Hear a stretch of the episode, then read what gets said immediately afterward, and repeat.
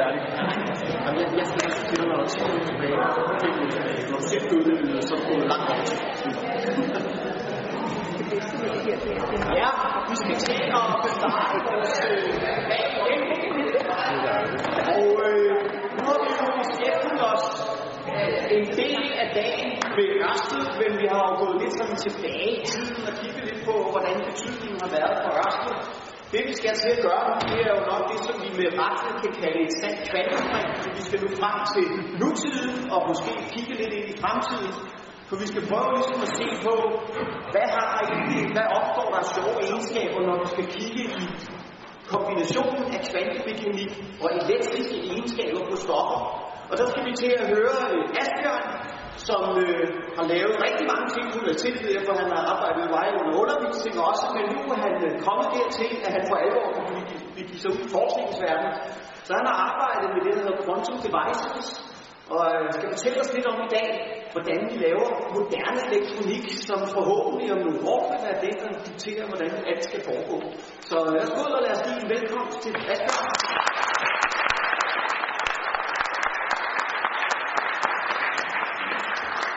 Mange tak for introduktionen, Jørgen. Øhm, yes, så ja, jeg hedder Asbjørn. Jeg arbejder som postdoc op i det, der hedder Center for Quantum Devices, som der er henne på Niels Bohr Instituttet, hvor vi har et stort samarbejde med Microsoft. De er rigtig interesserede i vores forskning, så de giver os masser af penge til at købe masser af dyre instrumenter til at lave forskning med. Så det er super fedt. Det vil jeg komme ind på lige om lidt. Jeg vil snakke om det, der hedder kvantet nanoelektronik. Allerførst vil vi starte med at bruge det ord op i de tre dele, det består af.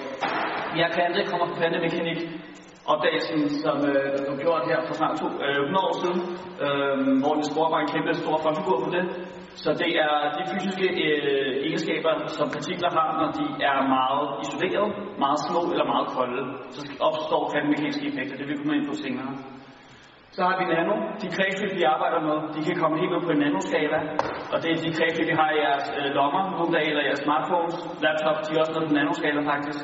Det vil også snakke en smule om. Og elektronik her ved sig selv. Så hvorfor er det overhovedet øh, er relevant at snakke om det her? Her der har vi en øh, wafer, som er lavet i IBM. Det er en artikel, der faldt fra 2017. På den her wafer, der har de lavet nogle meget små kredsløb. De har nogle transistorer, det er nogle komponenter, hvor man med en spænding kan slukke øh, og tænde for en strøm.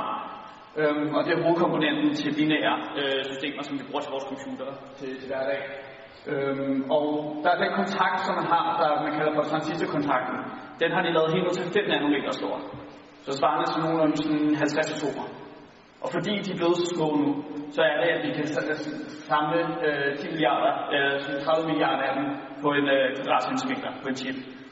Fordi vi har så små kredsløb, så kan vi samle rigtig mange transistorer på et meget lille areal. Og det er simpelthen derfor, at vores computer er så hurtige, som de er i dag. Fordi vi kan regne så mange ting og lære så meget information i de her meget små kredsløb. Øhm, en anden ting, som vi regner med at bruge det til, det er det, der hedder kvantecomputer. Jeg vil ikke snakke så meget om det i dag, men jeg vil lige jeg introducere det til jer nu her. Øhm, det, som der er problemet med transistorer nogle dage, det er, at de faktisk er blevet så små, at kvantemekanik begynder at begrænse, hvor, hvor meget mindre man faktisk kan gøre dem. Hvis man gør dem meget mindre end de 5 nanometer der, så begynder kvantemekaniske effekter faktisk at gå ind og lave fejl på transistoren, som ikke kan sørge for, at der ikke bliver strøm igennem. Det elektron kan bare tunnelere, selv ved stuetemperaturen. Øhm, så derfor så er der faktisk et problem med, at man ikke kan gøre, computer, man kan gøre, tipene, øh, man kan gøre transistor meget mindre. Og derfor skal vi til at finde nye metoder for at lave smartere computere, så vi kan blive ved med at få mere og mere computerkraft, så vi kan nye ting. En af de ting, man øh, tænkte tilbage i øh, 1980, var, at i stedet for at være bange for kvantemekanik, skulle vi måske prøve at bruge den faktisk til at lave computer af. Øhm, og der har man så prøvet at tænke videre på, og så tilbage for en 15 år siden, ikke, begyndte man så at starte med at prøve at bygge de her kvantecomputere. Det er stadig bare på begynderstadiet. Øhm, vi er ikke nået så langt igen. Men tilbage sidste år, næsten et år siden faktisk, øh, der viste Google, at øh, de havde bygget en kvantecomputer, der havde, i stedet for at have øh, øh nogle transistorer, som man kalder for bits, så har man sådan nogle kvantebits i kvantecomputere. Og der havde de samlet lidt over 50 kvantebits, og der kunne de lave en meget specifik udregning, der tog en 200 sekunder, og der har de analyseret, at hvis man tog den øh, største supercomputer, man har i verden, så ville det tage den øh, supercomputer med 1000 år regning Den, den meget specifik udregning. Øhm, så det viser lidt, at det har noget potentiale til at gøre noget rigtig stort, noget rigtig vildt. Men det er meget begyndt at sige, så jeg ved ikke, hvor det kan tage os nu. Øhm, det sagt, så er, fordi at det har meget stort potentiale, så er Google, Microsoft, IBM regeringer øh, rundt om i hele verden er super interesserede i vores forskning og kaster penge efter os. Så det er super fedt for os. Øhm, jeg vil snakke lidt om, hvordan det egentlig er muligt at lave de her meget små kredsløb. Øhm, det er noget, der hedder litografi. Så for at give et, et, et blik på, når vi gerne vil putte øh, f.eks. meget små metalelektroder ned på vores chips, så det, jeg har her, det er en chip, jeg har puttet på en plade. Den plade putter så i en vakuumkammer, hvor der får metal på. Og når så tager øh, pladen ud, så er det hele pladen, der er dækket af metal. Så hvordan er det så, at vi kan lave de her meget små 5 nanometer størrelse øh, systemer? Det vi basically gør, det er, at vi laver en skabelon, og så spraypainter vi med atomerne på den skabelon. Og når vi så fjerner skabelonen igen, så har vi så den struktur, som vi gerne vil få ud af det. Så vores opgave er at lave en skabelon, der har nanometer størrelse. Øhm, en øh, skabelon, som øh, der er blevet brugt, øh, er plastik. Øhm, den øh, plast, den specielle form for plastik har rigtig gode egenskaber til det. Øhm, her viser jeg lige et eksempel. Så her der har jeg en chip, øh, jeg har taget et optisk øh, mikroskop af, øh, så vi kan se det nogle små kredsløb, jeg har her. Jeg kan så putte øh, plastik på. Det kommer i en flydende form, så putter vi på en chip, spinner den rundt med 4.000 øh, rpm, og så varmer vi det op, og så størker plastikken. Vi kan så belyse plastikken øh, i lokale steder, og så kan vi fjerne plastikken. Så I kan se her, der er chippen på sit oprindelige grå farve, også herop. Så når jeg så stopper damper guld på og fjerner plastikken igen, så er guld kun de steder, hvor jeg faktisk har belyst. Øhm, så med det, det her plastik, at vi faktisk laver de her skabeloner. Til at starte med, øh, der, øh, det man belyste med, det var øh, lys. Så ja, nu er ikke som vi kender det, elektromagnetisk. Øh, ideen er, at vi belyser plastikken, og det her plastik, det består af meget lange molekyler. Ved at belyse det, så kan vi bryde de her meget øh, lange molekyler, så bliver det mere porøst. Og så kan vi så putte plastik mod i en fremkaldervæske, der så fjerner de porøse dele, det vil sige kun de dele, vi har belyst. Øhm, så har jeg den her struktur, så hvis vi putter metal på, og vi sørger for, at det metal, vi putter på, øh, har en mindre typisk end plastikken selv, så kan vi bruge et øh, længere eller et mere kraftigt kemikalie, og så fjerner resten af plastikken, og så har vi kun metallet tilbage, der hvor vi gerne vil have den, der hvor vi vil belyse noget. Så det er fint. Øhm, problemet er lidt, at X her til størrelsen af den, den mindste størrelse, vi kan øh, lave. Det er begrænset by, lysets bølgelængde. Som mange af jer ved, så er det på, øh, på 100 nanometer. Så lys kan ikke tage sig ned på de 5 nanometer, som vi skal bruge. Øhm, så hvordan er det så, at vi vil opnå de 5 nanometer? Det er faktisk ved at lave elektronkanoner. Øhm, så det er det første, jeg vil snakke om i dag. Hvordan at vi med elektromagnetisme faktisk kan manipulere øh, elektroner til at lave elektronkanoner med. Øhm, Inden jeg når der øh, til, så giver jeg lige en oversigt. Så allerførst vil jeg lige snakke lidt om, øh, hvordan det egentlig kommer op til, frem til at kunne lave de her elektronkanoner. Hvad er teorien bag? Øhm, ja, så vil jeg snakke om, hvordan vi så øh, manipulerer de her elektroner i vakuum. Senere hen vil jeg snakke om, hvordan at elektroner, når vi har dem i materialer, de faktisk får nye egenskaber. De bliver en form for quasi-partikel, kalder vi det. Så de får nogle kvantmekaniske egenskaber. Øhm, og så til sidst så vil jeg snakke om, hvis vi tager sådan nogle elektroner i materiale, og vi putter et rigtig stort magnetfelt på, så opstår, får vi noget, der, hedder Kante Hall-effekten. Der er en super interessant øh, kvantemekanisk effekt, som vi vil komme ind på til sidst. Og det skræmmer, at jeg vil bruge for simple forklaringer. Øhm, hvis I gerne vil have et godt med noget efter, så skal I egentlig bare sætte spørgsmål. Så lidt teori til at starte med. Som jeg har hørt på gang i dag allerede, tilbage i 1820, der øh, viste også med sit eksperiment, at der er en sammenhæng mellem strøm i en ledning og hvordan en magnetlåg bevæger sig. Øh, allerede fire år efter faktisk, der Sturgeon i England har lavet den første elektromagnet ved at vikle ledninger rundt om, øh, om et metal her. Øh, det viser sig, fordi at vi bruger elektromagneter i del, og det vil nævne det et par gange her i, i talken. Øh, Maxwell, bortset fra at lave Maxwell ligninger, så foreslog han faktisk øh, den øh, størrelse, som øh, elektriske og magnetiske felter påvirker ladninger med. Øh, men det var først i øh, 89, at Heaviside, som jeg fandt det her citat på nettet, åbenbart havde en ret god appetit, øh, han, øh, han var den første til at udvide øh, den magnetiske effekt på, på ladninger. Øhm, og så var det så i 1895, at Lorentz han så øh, udledte den elektriske effekt på ladninger, og derfor vi kender den samlede effekt for elektromagnetisme på ladninger som Lorentz-kraften, selvom han egentlig kun lavede det sidste bidrag her. Øhm. Så vi vil snakke lidt om elektroner i vakuum.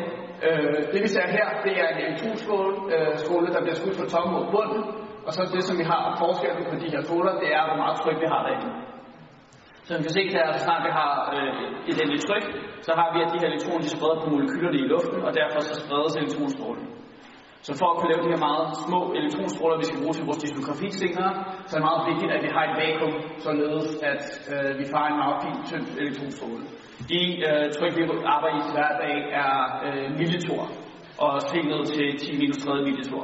Øh, så det er tæt på et vakuum, vi har derinde, for at virkelig sørge for, at vores elektroner ikke spredes mere end nødvendigt.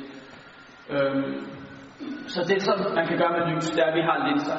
Øh, som mange af jer nok ved, så kan man med øh, en loop her, så kan man øh, brænde hul i træ eller papir eller sådan noget med øh, solstråler. Det er bare at fokusere lyset. Øhm, og det er basically øh, et glas, der er formet ovalt her, så noget, så vi kan fokusere lysstrålerne. Øhm, så vi har ikke brug for en lille teknologi for elektroner, øh, når de kommer ind. Øh, og der har man faktisk fundet ud af, at øh, hvis man har en stråle her, den, så, den står over her i tegningen, men vi har øh, ledninger her, der laver en elektromagnetisk spole. I stedet for at have en jernkern igennem, så har vi faktisk bare ledninger selv, så der er et vakuum inde i midten af spolen. Hvis der vi sætter elektroner ind igennem den spole her, så ser vi, at øh, vi kan køre dem igennem, og magnetfeltets retning kommer til at være parallelt med elektronretningen her. Så hvis det er, at elektronerne går direkte parallelt ind på spolen, så ser vi fra vores Lorentz kraft, at øh, vi har et krydsprodukt mellem hastigheden af elektronen og et magnetfelt, så derfor kommer der ikke til at være påvirket nogen kraft på elektronen. Så kan elektronen bare fiske igen. Hvis det er, at elektronen kommer ind med en lille vinkel på, eller en større vinkel, så, er det, så begynder Lorentz faktisk at ændre ind og påvirke den. Og der er det så, så heldigt, at den påvirker den på en måde, hvor ledes, at den bliver slynget lidt ud, roterer rundt, og så bliver den faktisk slynget tilbage igen, ind mod den akse, den kom fra. Øhm, og så størrelsen af den her kraft kan man så kontrollere ved at sætte en, en forskellig strøm igennem en skole. Så kan man ændre ens fokuspunkt. Så med sådan nogle her øh, elektromagneter uden en jernkerne i midten, så kan vi faktisk bruge elektromagneter som øh, en, en, en øh, linse for elektroner, basically. Så med det, så kan vi igen kigge på vores litografi. I stedet for at belyse med lys nu, så belyser vi med elektroner. Øhm, og elektroner, hvis, hvis man giver dem en høj energi, så får de en rigtig lille bølgelængde. Helt ned til under en nanometer faktisk. Øhm, så ved at belyse med elektroner i stedet for, så kan vi fjerne en meget mindre del af plastikken. Og derfor kan vi i sidste ende ende med en meget mindre stykke metal. Øhm, så det er simpelthen med elektronkanoner, som vi kan øh, fokusere med elektromagneter, at vi kan lave det her litografi, der muliggør, at vi kan lave kredsløb på 5 nanometer, så vi har smartphones og laptops i dag. Øhm, så det kan man, det er en af de ting, man kan takke hos os for, og mange af de andre fysikere efterhånden også. Bare for at give jer øh, en idé om det. Øh, ja, der er lige noget Kør. Jeg fik også elektronisk stråling med mindre bølgelængde. Øhm, fordi at der begynder energien at ikke at at gå ind og påvirke øh, plastikken ordentligt. Øhm, så det er fordi, man skal ramme øh, nogle ordentlige energier. Vi ændrer også energien af en elektromagnetisk stråling. Så det er simpelthen, hvornår det begynder at interagere med plastikken. Godt spørgsmål.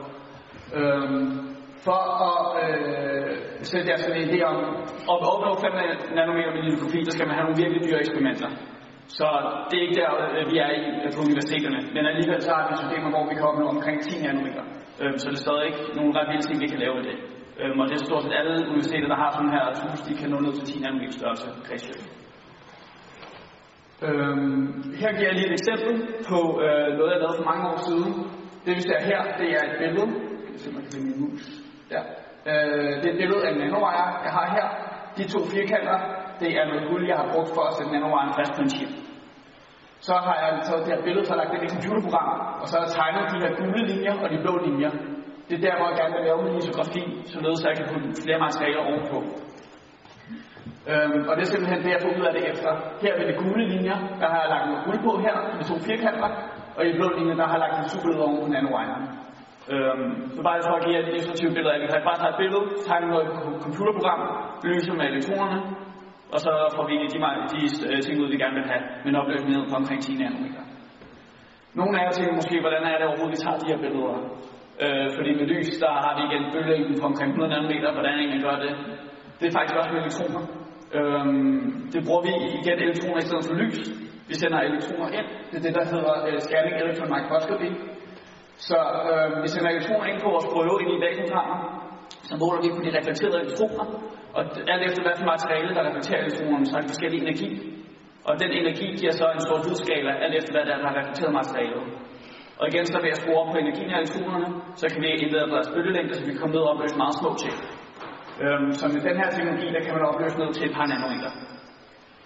Hvis der man gerne vil opløse noget, der er endnu mindre, så kan det, som der hedder transmitting electron microscopy der er det, at man tager øh, et objekt, og så skærer man det ud, så det kun har en tykkelse på et par 100 nanometer.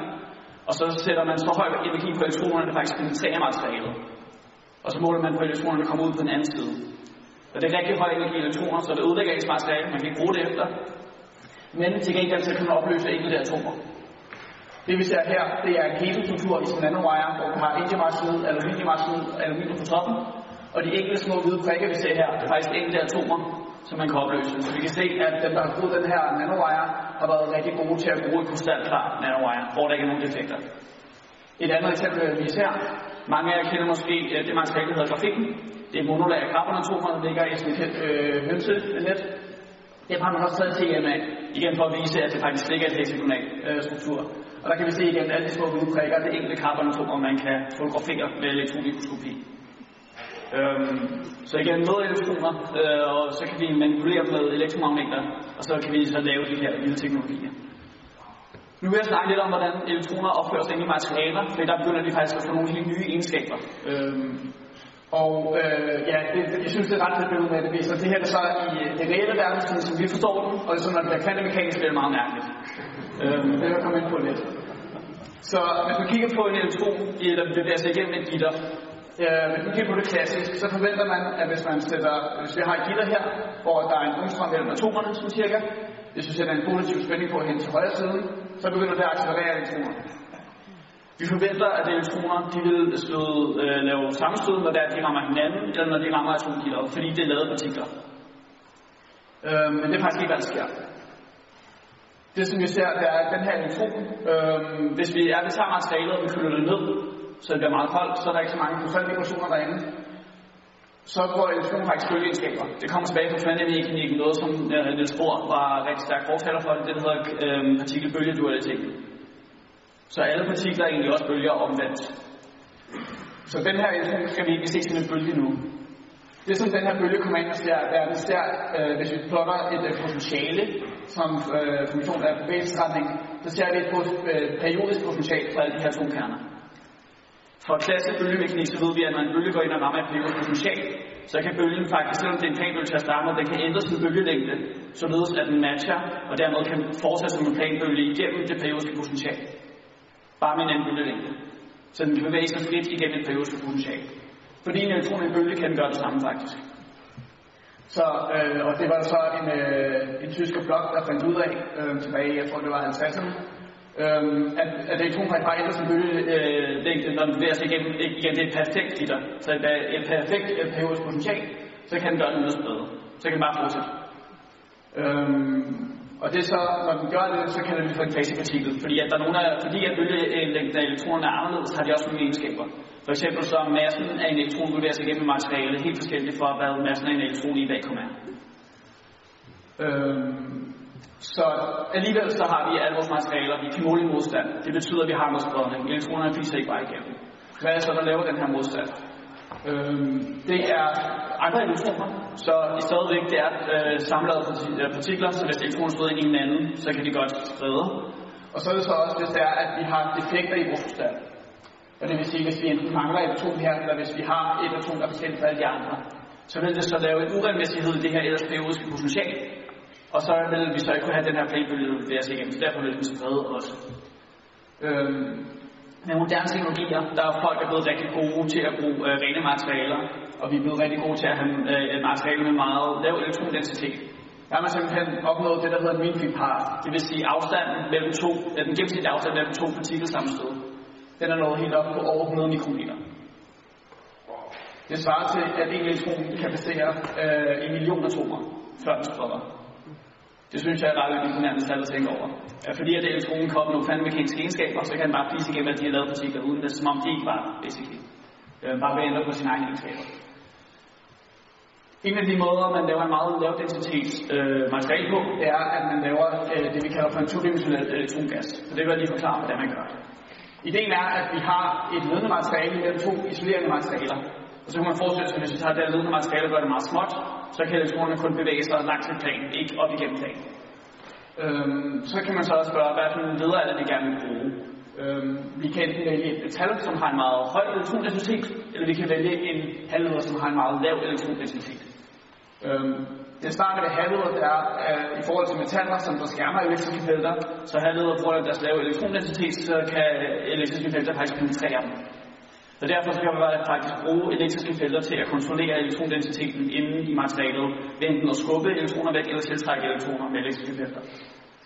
Øhm, så det er det, man kalder for doping. Man kan, man kan tage et ledende materiale, og man kan faktisk gøre det hele vejen til isolerende, eller gøre det mere ledende, bare med elektriske felter. Her er det et eksempel på sådan en heterostruktur, man kunne lave. Øhm, og der har vi så aluminiumarsenid og galliumarsenid, hvor galliumarsenid er det ledende materiale i det her øh, tilfælde. Og der ser vi så, at selvom vi har to forskellige materialer, i går på hinanden, så er igen forskerne, der bruger de her materialer, rigtig gode til at gøre det. Så selvom vi har en materialeovergang, så ser vi, at det stort set ikke ændrer på gitterstrukturen. Så vi har ikke rigtig nogen defekter ved det her interface. Og det gør simpelthen, at selvom vi har en hel struktur med forskellige materialer, har vi stadig et, et, et periodisk gitter, og derfor ikke noget spredning. Stort set ikke noget spredning i de her materialer.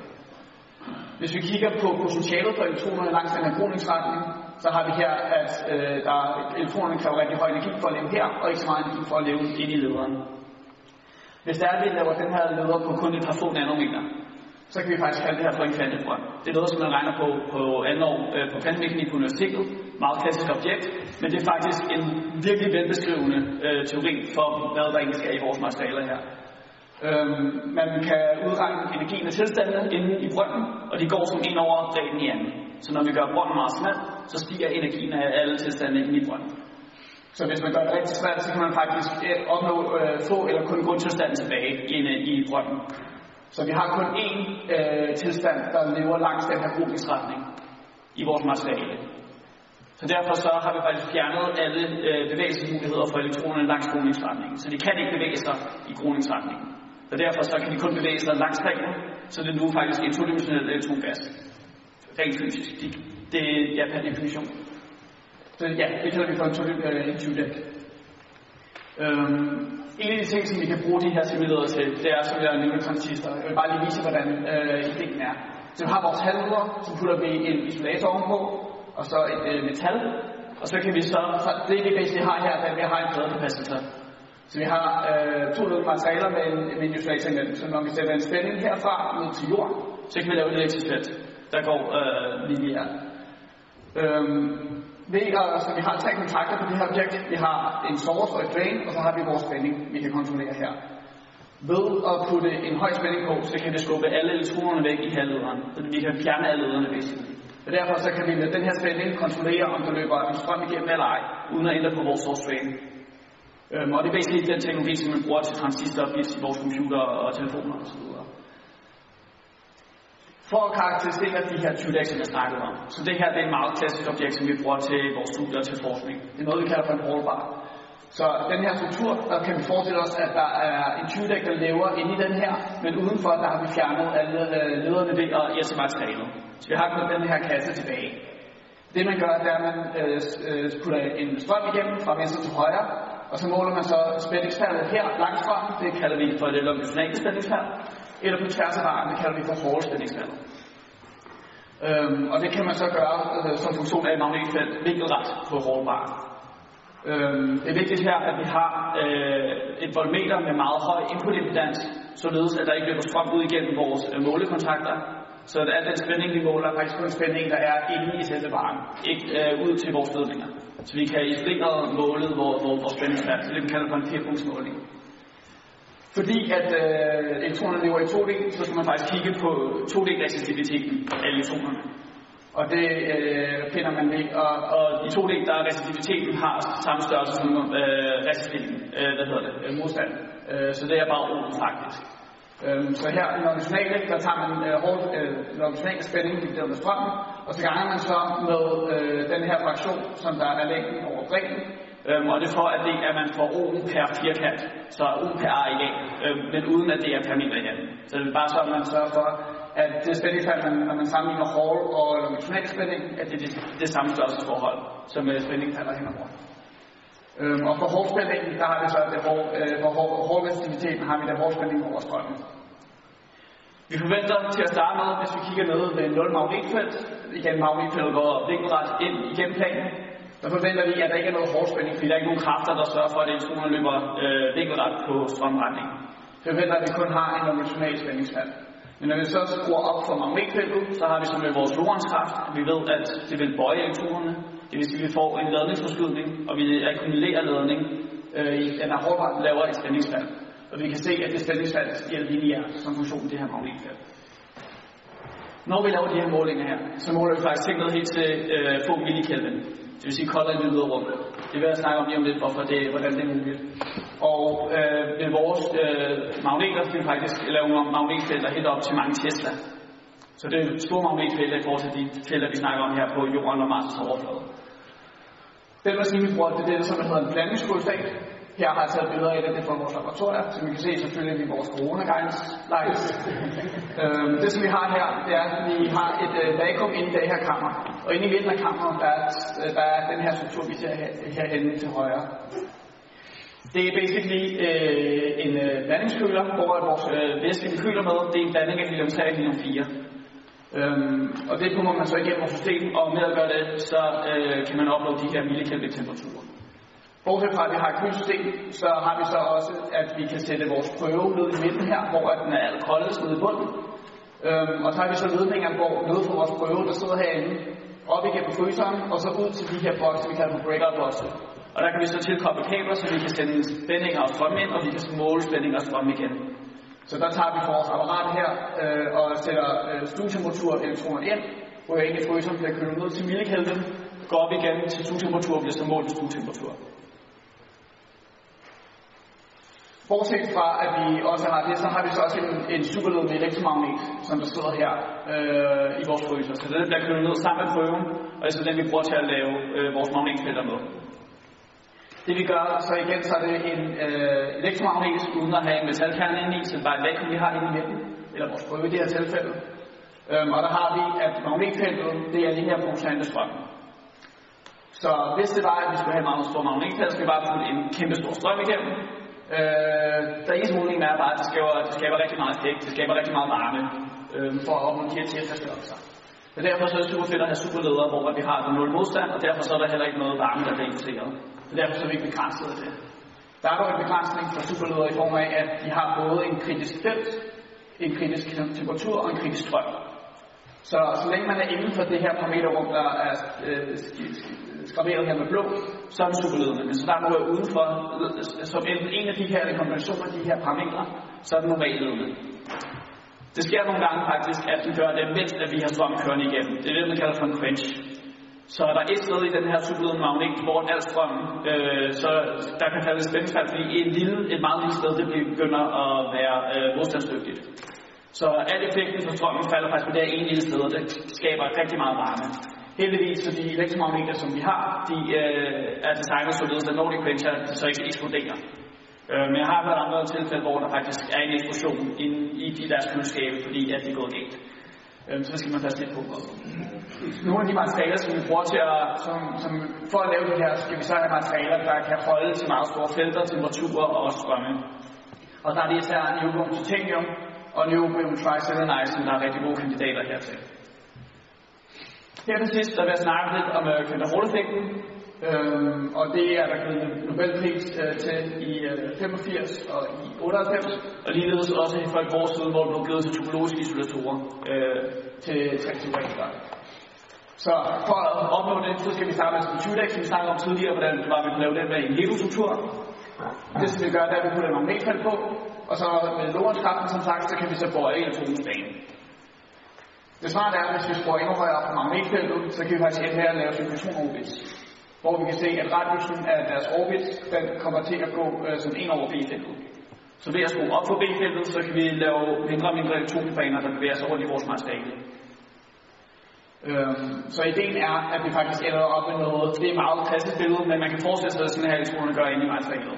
Det vi kan se, der er inde i midten af vores struktur, der kører elektroner bare rundt om sig selv. Så de er faktisk ikke en del af ledningsevnen i materialet. De er bare isolerende. Det, der sker på kanten dog, det er, at elektronerne ikke kan fuldføre deres cyklotronorbis, fordi de rammer kanten hele tiden. Så de bouncer langs kanten i stedet for. Og som man kan se, så på grund af jordskaften, så ender I med den ene side, der går strømmen den ene vej, og den anden side går strømmen den anden vej. Øhm. Og øh, det smarte her det er, at vi ved øh, fra andre eksperimenter, at øh, ledningsevnen for en elektron den er givet som elektronslagning i anden del, med hedder konstant. Så ved at måle den ledningsevne, så strøm og spænding, så kan vi faktisk finde ud af, hvor mange elektronkanaler der er, som der transporterer vores strøm langs, kanal, langs kanten af vores øh, strøm her. Ligeledes har vi så også, at hårdspændingen øh, forventes at være øh, modstand for en elektron, det vil sige H over i anden, og så dividerer med antallet af kanaler, vi har, fordi de ligger i parallel. Øh, så øh, ideen er, at hvis vi putter større magnetfelter på, så har vi så flere elektroner ind i midten, øh, og derfor har vi så færre elektroner på kanten, så vi kan få øh, færre færre elektroner til at lede vores strøm ud i kanten af vores rumvar. Og det er det, som vi kalder for en psykologisk isolator. Det smarte, eller det vilde ved den her struktur, der er, normalt når vi tager et lille øh, materiale, hvis vi gør det større, så har det så en, en mindre modstand, fordi der er flere ting, der kan lede. Men hvis man tager sådan en her øh, kvantemorlefæltbar, øh, og man tager en, der er en centimeter bred, eller en, der er en kilometer bred, så har de samme ledningsevne. Fordi at al øh, ledningsevne kun foregår på kanten. Så det er det, der gør en topologisk. Øhm, et lidt mere akkurat billede af, hvordan elektronen bevæger sig inde i her, det er, at i stedet for bare at gå rundt med så er der en lille smule spredning inde i materialerne. En meget lille smule. Øh, men det gør, at det ikke er rene ringe, men det er mere sådan diffusiv øh, omgang, vi har. Men det er stadig isoleret i midten. De øh, interagerer ikke kan elektroner. Det vi ser, det er, at de elektroner, der går langs kanten, de spreder ikke overhovedet. Der er ikke nogen, der løber den modsatte vej. Så derfor så er spændingsfaldet, eller det øh, potentiale forskel på de her to kontakter, der måler vores funktionale øh, modstand, potentiale forskellen er 0. Fordi der ikke er noget spredning. Elektronerne vender ikke om. Så derfor så måler man faktisk 0 modstand, når man måler longitudinal. Øh, ligeledes, så, som jeg nævnte allerede, så vores forspænding her, der forventer vi, at den går som øh, elektronens øh, modstand på over en anden, divideret med antallet af øh, elektroner, vi har på kanten.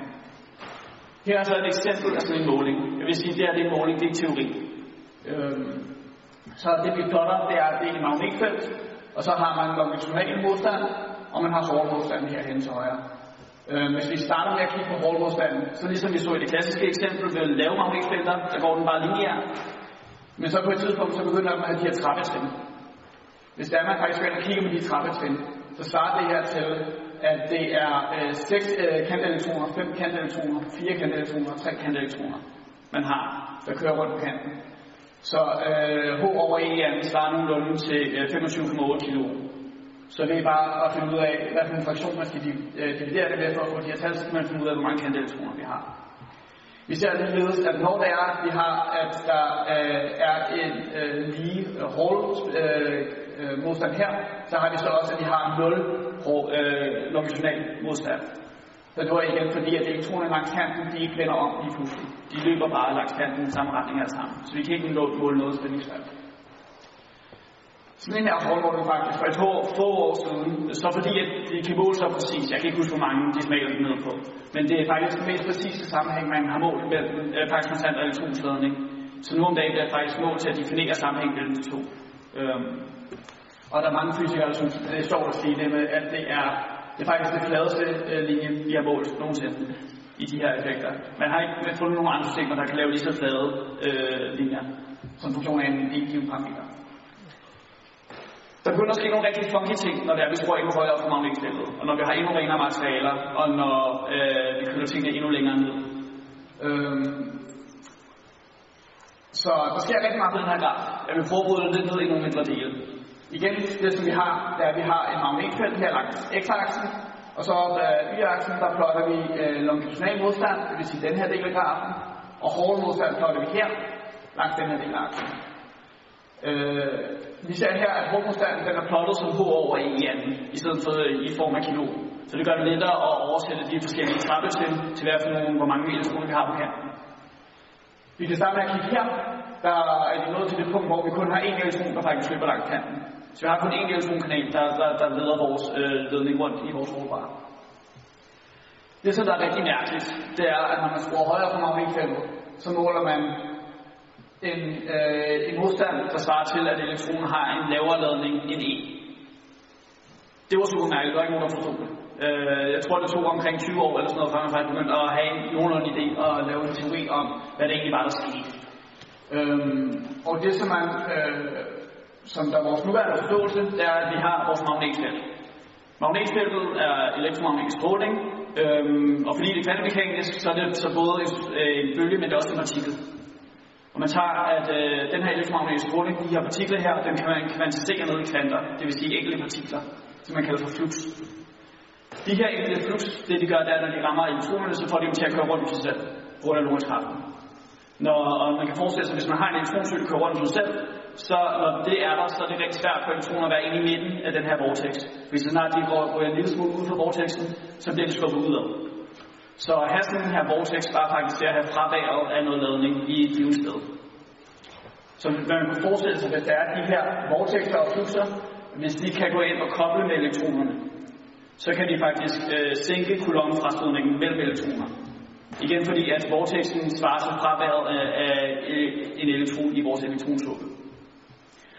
Så det er muligt for elektronerne at sænke deres frastødende energi fra hinanden ved at koble sig til de her øh, magnetplanter, som vi kalder for fluxer. Øhm, og det er simpelthen det, der, det, er det, vi regner med, der sker. Det, der så kan forklare, at vi kan have lavere øh, ladninger end øh, 1, det er, at for eksempel her, der har vi, øh, her der har vi to tredjedele øh, e-ladning. Det svarer til, at vi har tre fluxer, der kobler per to øh, elektroner. Og det er derfor, at man kan se, at det stadig er kvantiseret. Det er ikke tilfældigt at det her. Alle sammen er rationelle tal. Rationelle fraktioner. Øhm, så der er, de her tal svarer så til antallet af elektroner divideret med antallet af fluxer, der er koblet til, til hver elektron gennemsnitligt. Øhm, og igen, de her er lige så flade. De her kurver heroppe er lige så flade som dem hernede. Så det er de, de diskrete ting, det er kvantemekanisk. Øhm, så ja, med det her kan vi opnå øh, nye former for partikler, Øh, der er rigtig mange af dem, vi ikke forstår endnu faktisk. Der er rigtig mange interessante kvantemekaniske effekter, man kan finde i det her fractional quantum Hall effekt. Og man regner faktisk med, at man kan bruge nogle af dem til at lave fremtidens kvantecomputere. Så som resume, hvad vi snakket om i dag? Vi har snakket om en del ting.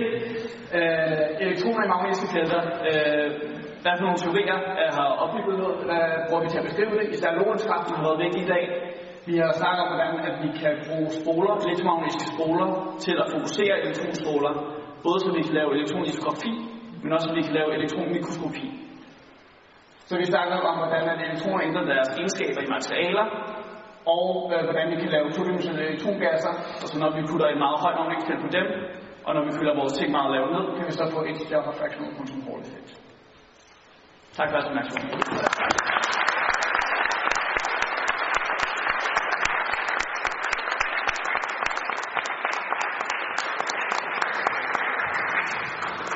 tid til nogle spørgsmål. Jeg ved ikke, var det to mennesker, der måtte være i den kryostat?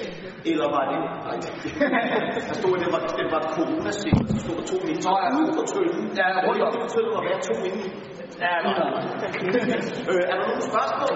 Ja, ja.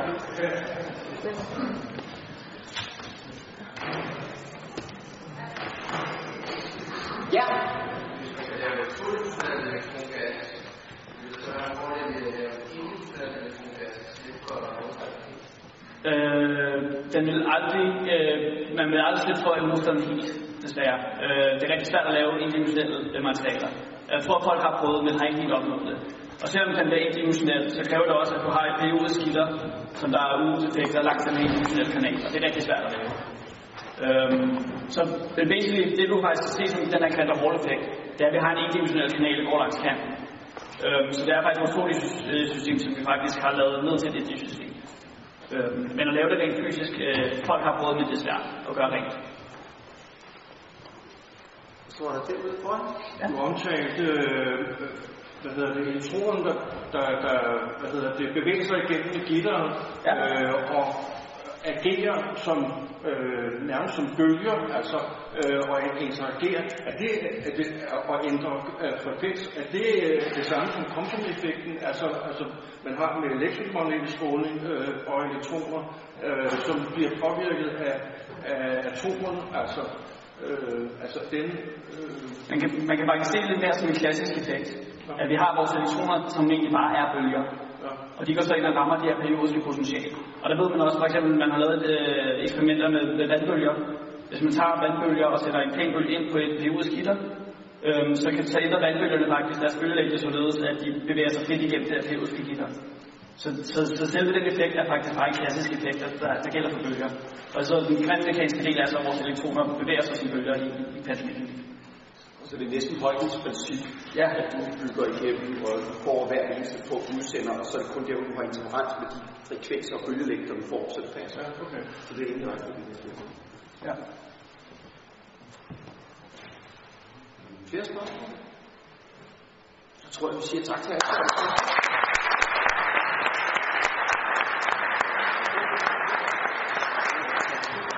Det var det, det var det. Var det det, du vandt? Jo, det var det. Jeg får også en øh, spisbar Godt. Nu kommer vi så til øh, dagens sidste taler, og øh, det bliver jo så virtuelt, skal jeg jo så oplyse